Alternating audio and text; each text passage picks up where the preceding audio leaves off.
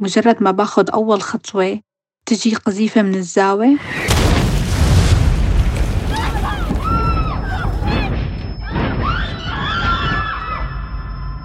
أنا ما حسيت إنه شو عم بيصير حوالي أول أول ثواني فحسيت إنه راح شي مني بس ما بعرف شو. بضع ثوان فقط. قلبت حياة ديما الأكتع إلى الأبد.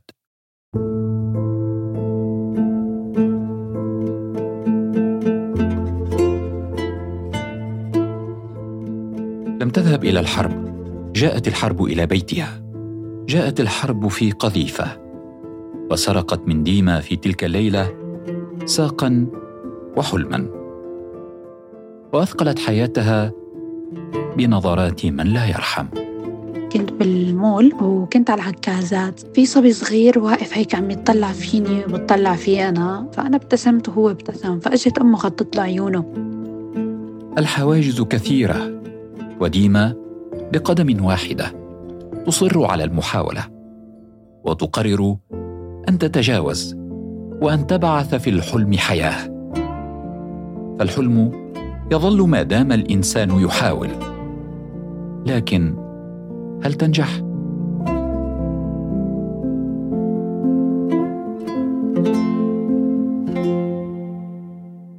هذه حكاية ديما الأكتع. مروى وشير اعدت الحلقة وأنا أحمد خير الدين. معا نروي فصول الحكاية.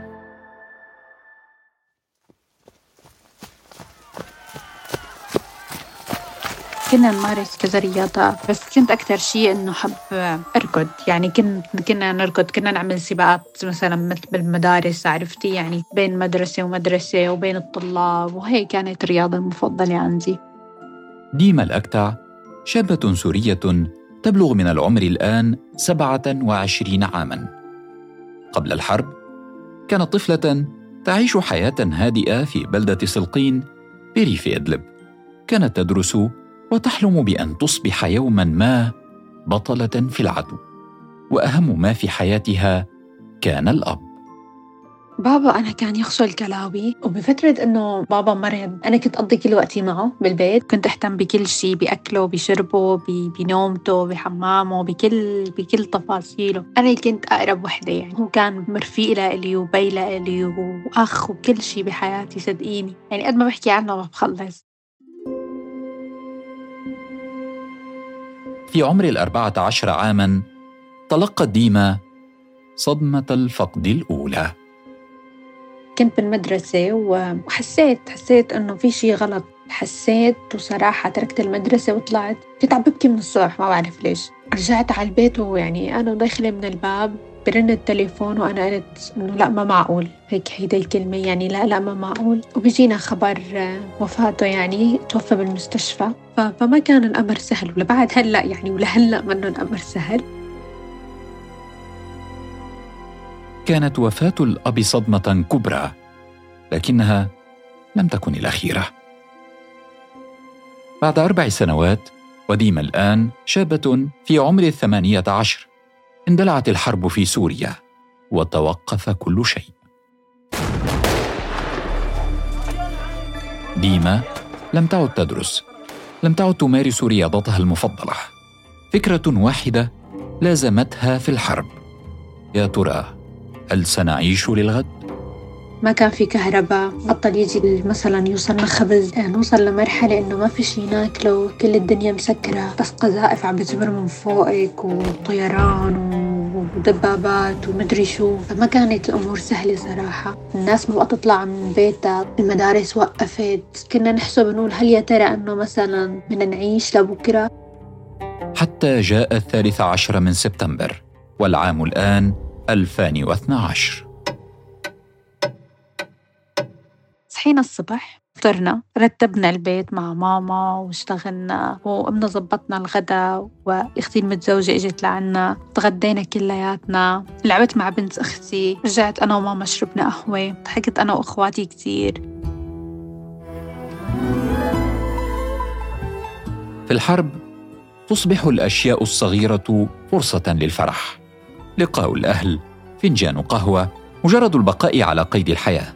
كلها أسباب كافية للاحتفال. لكن الحرب لئيمة وسرعان ما تسرق الفرح. كان يوما جميلا حتى الثامنة والنصف ليلا. دوت قنبلة وديما نقزها قلبها. بسمع صوت انفجار قنبلة وأول انفجار بيجي كتير قريب على بيتي. أختي وبنت أختي نايمين بالغرفة. رحت عم بطمن عليهم إنه يمكن يرتعبوا بهذا الصوت بس الحمد لله إنه كانوا نايمين. اطلعت فيهم هيك وقلت لهم الله يحميكم ورجعت سكرت الباب الغرفة عليهم. أغلقت ديما الباب ومشت إلى غرفتها. بعد أول خطوة اهتز البيت.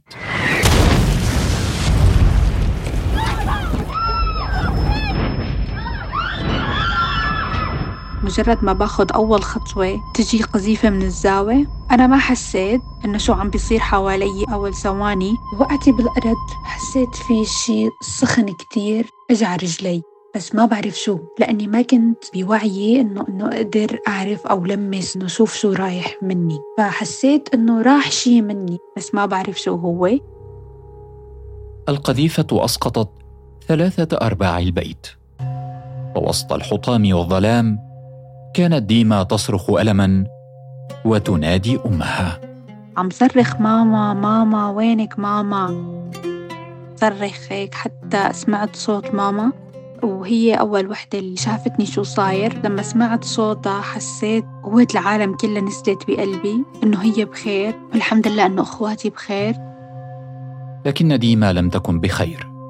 أصيبت في قدمها اليسرى. وفي الطريق إلى المستشفى كان كل شارع ينذر بموت محقق. القذائف والنيران التهمت المباني والجرحى كانوا يصرخون طلبا للإسعاف. وأنا بالطريق عم شوف القذائف كيف عم تمرق من فوقي وقلت إنه ممكن هذا الشارع ما مثل الشارع اللي بعده رح نموت من كتر قوة القذائف يلي كانت بهداك الوقت. وأنا سمعاني صوت الدم. عم يكت من السيارة على على قد ما نزفت. في الحرب أن تظل حيا وألا تفقد حبيبا سبب كاف لأن تشعر بالرضا لوهلة لكن سرعان ما تكتشف أن الحرب قد تسلب منك ما تعتقده معنى للحياة وهدفا لها.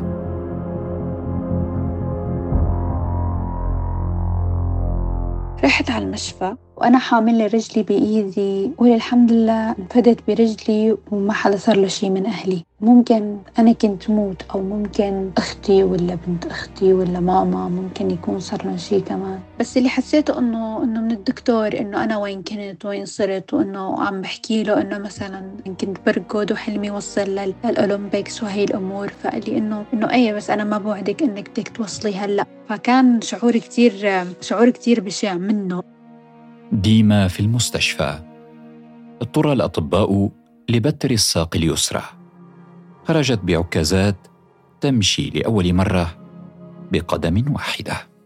المعاناة هي إنه تستوعب وضعك الجديد إنك تتقبل حالك إنك تمشي على العصي أنت بحياتك ما مستخدمهم نظرة المجتمع لإلي كيف رح تكون كيف أهلي رح يتقبلوا الوضع. أسبوع في المستشفى وشهر في بيت جدها المهجور. تدمر بيت العائلة في القصف. تقرر ديما أن تخرج إلى لبنان. علها تجد علاجا. ولم لا؟ ربما تعود إلى المدرسة. خمس عشرة ساعة كاملة. وساق ديما تنزف. والوجع يشتد أكثر وأكثر.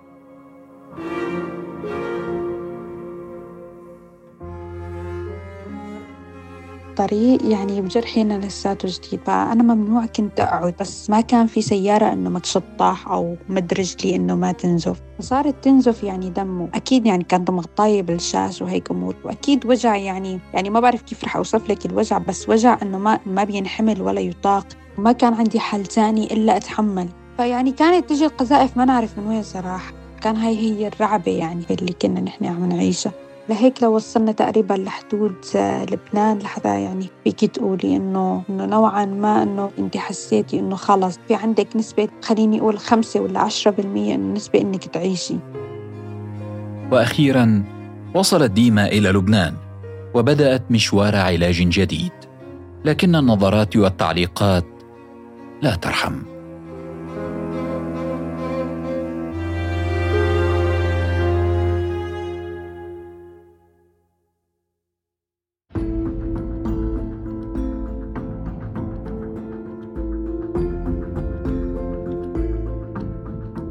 سافرت عند أخواتي الشباب على لبنان فهنيك أنا كملت شبه علاج. هنيك صرت أطلع أمشي بالشارع مع العكازات. فكانت نظرة المجتمع كلمة أوف يا حرام بعد صبية ما بينسخ عليا. هي شو بده يطلع منه؟ هي شو بده يطلع فيها بقى؟ يعني إنه خلص انهدم مستقبلها مواقف صارت معي صراحة كنت بالمول وكنت على العكازات في صبي صغير واقف هيك عم يطلع فيني وبتطلع في أنا. فأنا ابتسمت وهو ابتسم فأجت أمه غطت له عيونه. فهذا الموقف أنا كثير ما ما بيزعلني صراحة أكثر ما بيزعجني. مرت سنوات وديما عاجزة عن تركيب طرف اصطناعي وعاجزة عن مواصلة دراستها. ست سنوات وحياة ديما متوقفة تماماً. بعد ما تمت مرحلة الشفاء يعني نوعا ما حاولت كثير مثلا ركب طرف أو شيء بس بحكم إنه الأطراف بلبنان كثير غالي وعن إنه بتركب على حسابك فما قدرت صراحة ركب يعني ما كان شيء سهل صراحة إنك تقعدي هيك ما تعملي شيء حتى المدارس هنيك كانت بمصاري. كانوا بعض المدارس مثلا يرفضونا بحكم إنه نحن سوريين فما قدرت كفي دراستي. وجاء الفرج بنهاية سنة 2016 تلقت ديما اتصالا طال انتظاره.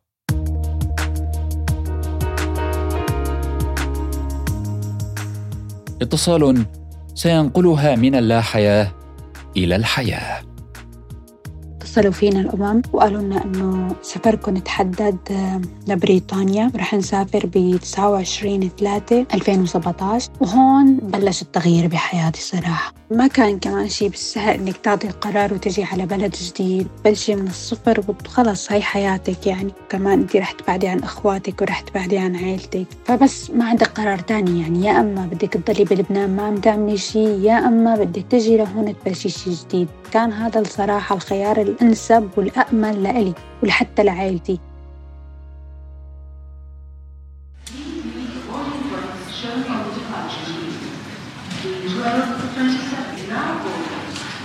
وسافرت ديما إلى بريطانيا بعد الحصول على حق اللجوء.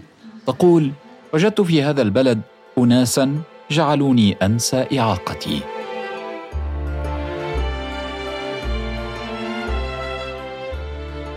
أنا لما نزلت من الطيارة استقبلوني أنا كديمة يعني مستقبلوا شخص إنه ديسيبل أو عنده حالة خاصة. يعني حتى مشيت أنا تاني يوم بالضبط على العكازة برا. العالم يلي تضحك لي العالم يلي تعطيني هي الطاقة الإيجابية والحلوة والبشوشة تقبلوني أنا كشخص ديمة بعد سنة تمكنت ديما من تركيب أول طرف واستأنفت دراستها.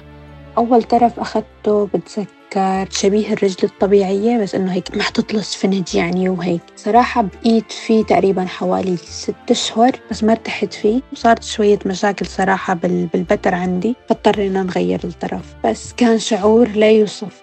وبعد سبع سنوات عادت ديما للمشي مرة ثانية دون استعمال العكازات ودون محاولة التوازن على قدم واحدة. بعد فترة تقريبا شي سبع سنين رجعت مشيت مرة ثانية كان شعور آه، جدا غريب شعور إنه انت عم تستخدمي الظرف الصناعي في تعلمتي من جديد تعلمتي كيف تمشي تعلمتي كيف تتوازني تعلمتي كيف تتعاملي معه علمتي جسمك كيف يتقبل هذا الشيء. أكيد أخذ وقت كتير ومجهود كتير وتدريب كتير وتعب كتير وأثر على النفسية صراحة. بس الحمد لله قدرت أقطعه يعني بكل سهولة الحمد لله. مشت ديما وعادت تحلم بالجري. هلا صراحة إنه وقت اللي بلشت الفكرة معي إني أنا أرجع أركض هي قلت لك إنه ركبت طرف رياضي خاص بالركض. فلما صرت أتدرب عليه وأتدرب مثلا أتعود عليه أكيد بياخد هي as progress إنه أنت تعملي progress بينك وبين حالك إنه كيف أنت تبني الثقة معه وكيف بدك تتعلمي على شيء. أنت فاتي تقريبا لك عشر سنين. بس الفكرة بالموضوع اللي أنا تحديت حالي إنه إنه أقدر شارك first marathon لإلي يعني. تحلم ديما بالماراثون. تعرف أن العودة صعبة لكن المشهد مغر أن تجري يعني أن تحيا أن تلمس وتذوق الحرية. تتخيل الجسد المسرع في الريح خفيفا تجذبك الأرض وترفعك العزيمة. والإرهاق حتى الإرهاق لذيذ في المضمار.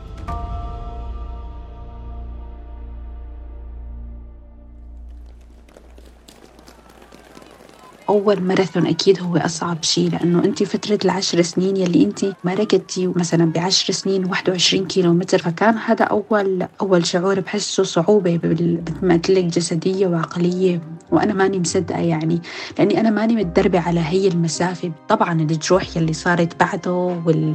والدم يلي صار ينزل من رجلي وال... بس بنفس الوقت كنت مبسوطة مبسوطة بهذا الوجع. والمشهد صعب.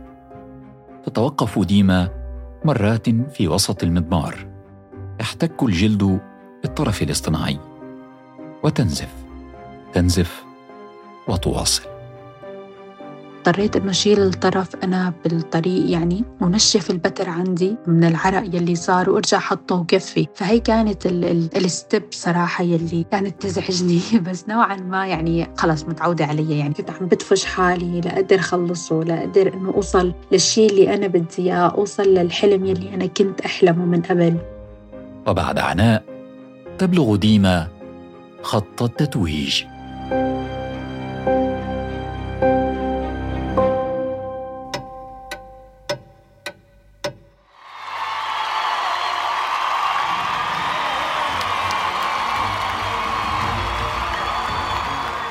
لما طلعت على ال finish line إنه أنا لا لما اعطوني الميداليه إنه أنت وصلتي فأنا ما صدقت. أنا نوعا ما كنت بدي أبكي بس مني قدرانة يعني صار في عندي خربطة مشاعر يعني بعقلي okay إنه إنه إنه في شيء بس في شيء صار وأنا حققته بس أنا من جوا بس بدي أبكي من الفرحه يلي أنا فيها.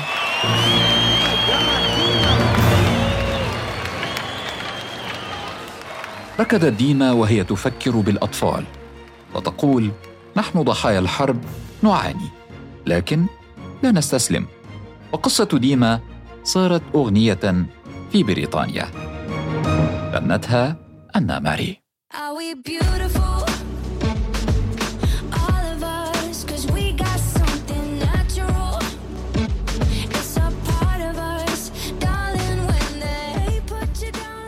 أنا ماري شافت قصتي وحبت تعمل فيديو كليب لها كلمات تبع الأغنية كثير لامست قلبي كثير حلوة وكثير آه، بتعكس الواقع الحقيقي اللي نحن عم نعيشه. أثرت فيني بشكل كثير كبير صراحة بشكل إيجابي طبعا. والأغنية يعني حققت الحمد لله ما يقارب 3 مليون مشاهدة. فجدا شعور ما بينوصف شعور لك بالامتنان وشعور بالفخر وشعور من إني الحمد لله تعبي ما راح على الفاضي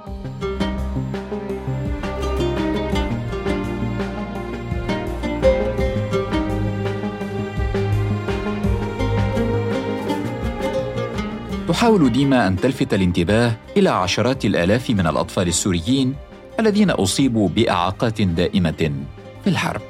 الهدف الإنساني هو إني ساعد الأطفال يلي تضررت بالحرب ويلي خسرت أطرافها. فكانت الفكرة إنه نركب لهم الأطراف الصناعية اللي ما بيقدروا يمارسوا حياتهم طبيعية ويمكن بحاجة كرسي يمكن. فهي كانت النقطة صراحة اللي, اللي أو موجهة لهذا الشيء. يعني.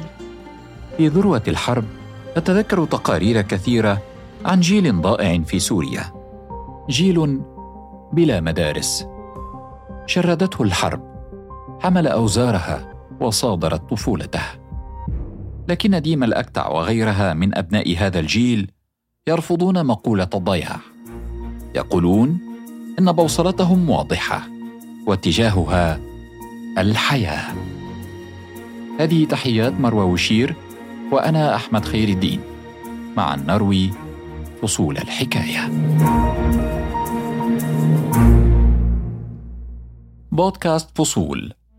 مع نروي فصول الحكاية. استمعوا لبودكاست فصول على تطبيقات البودكاست Apple و Google و Spotify و SoundCloud. وعلى الحرة دوت كوم وآثير راديو سوا.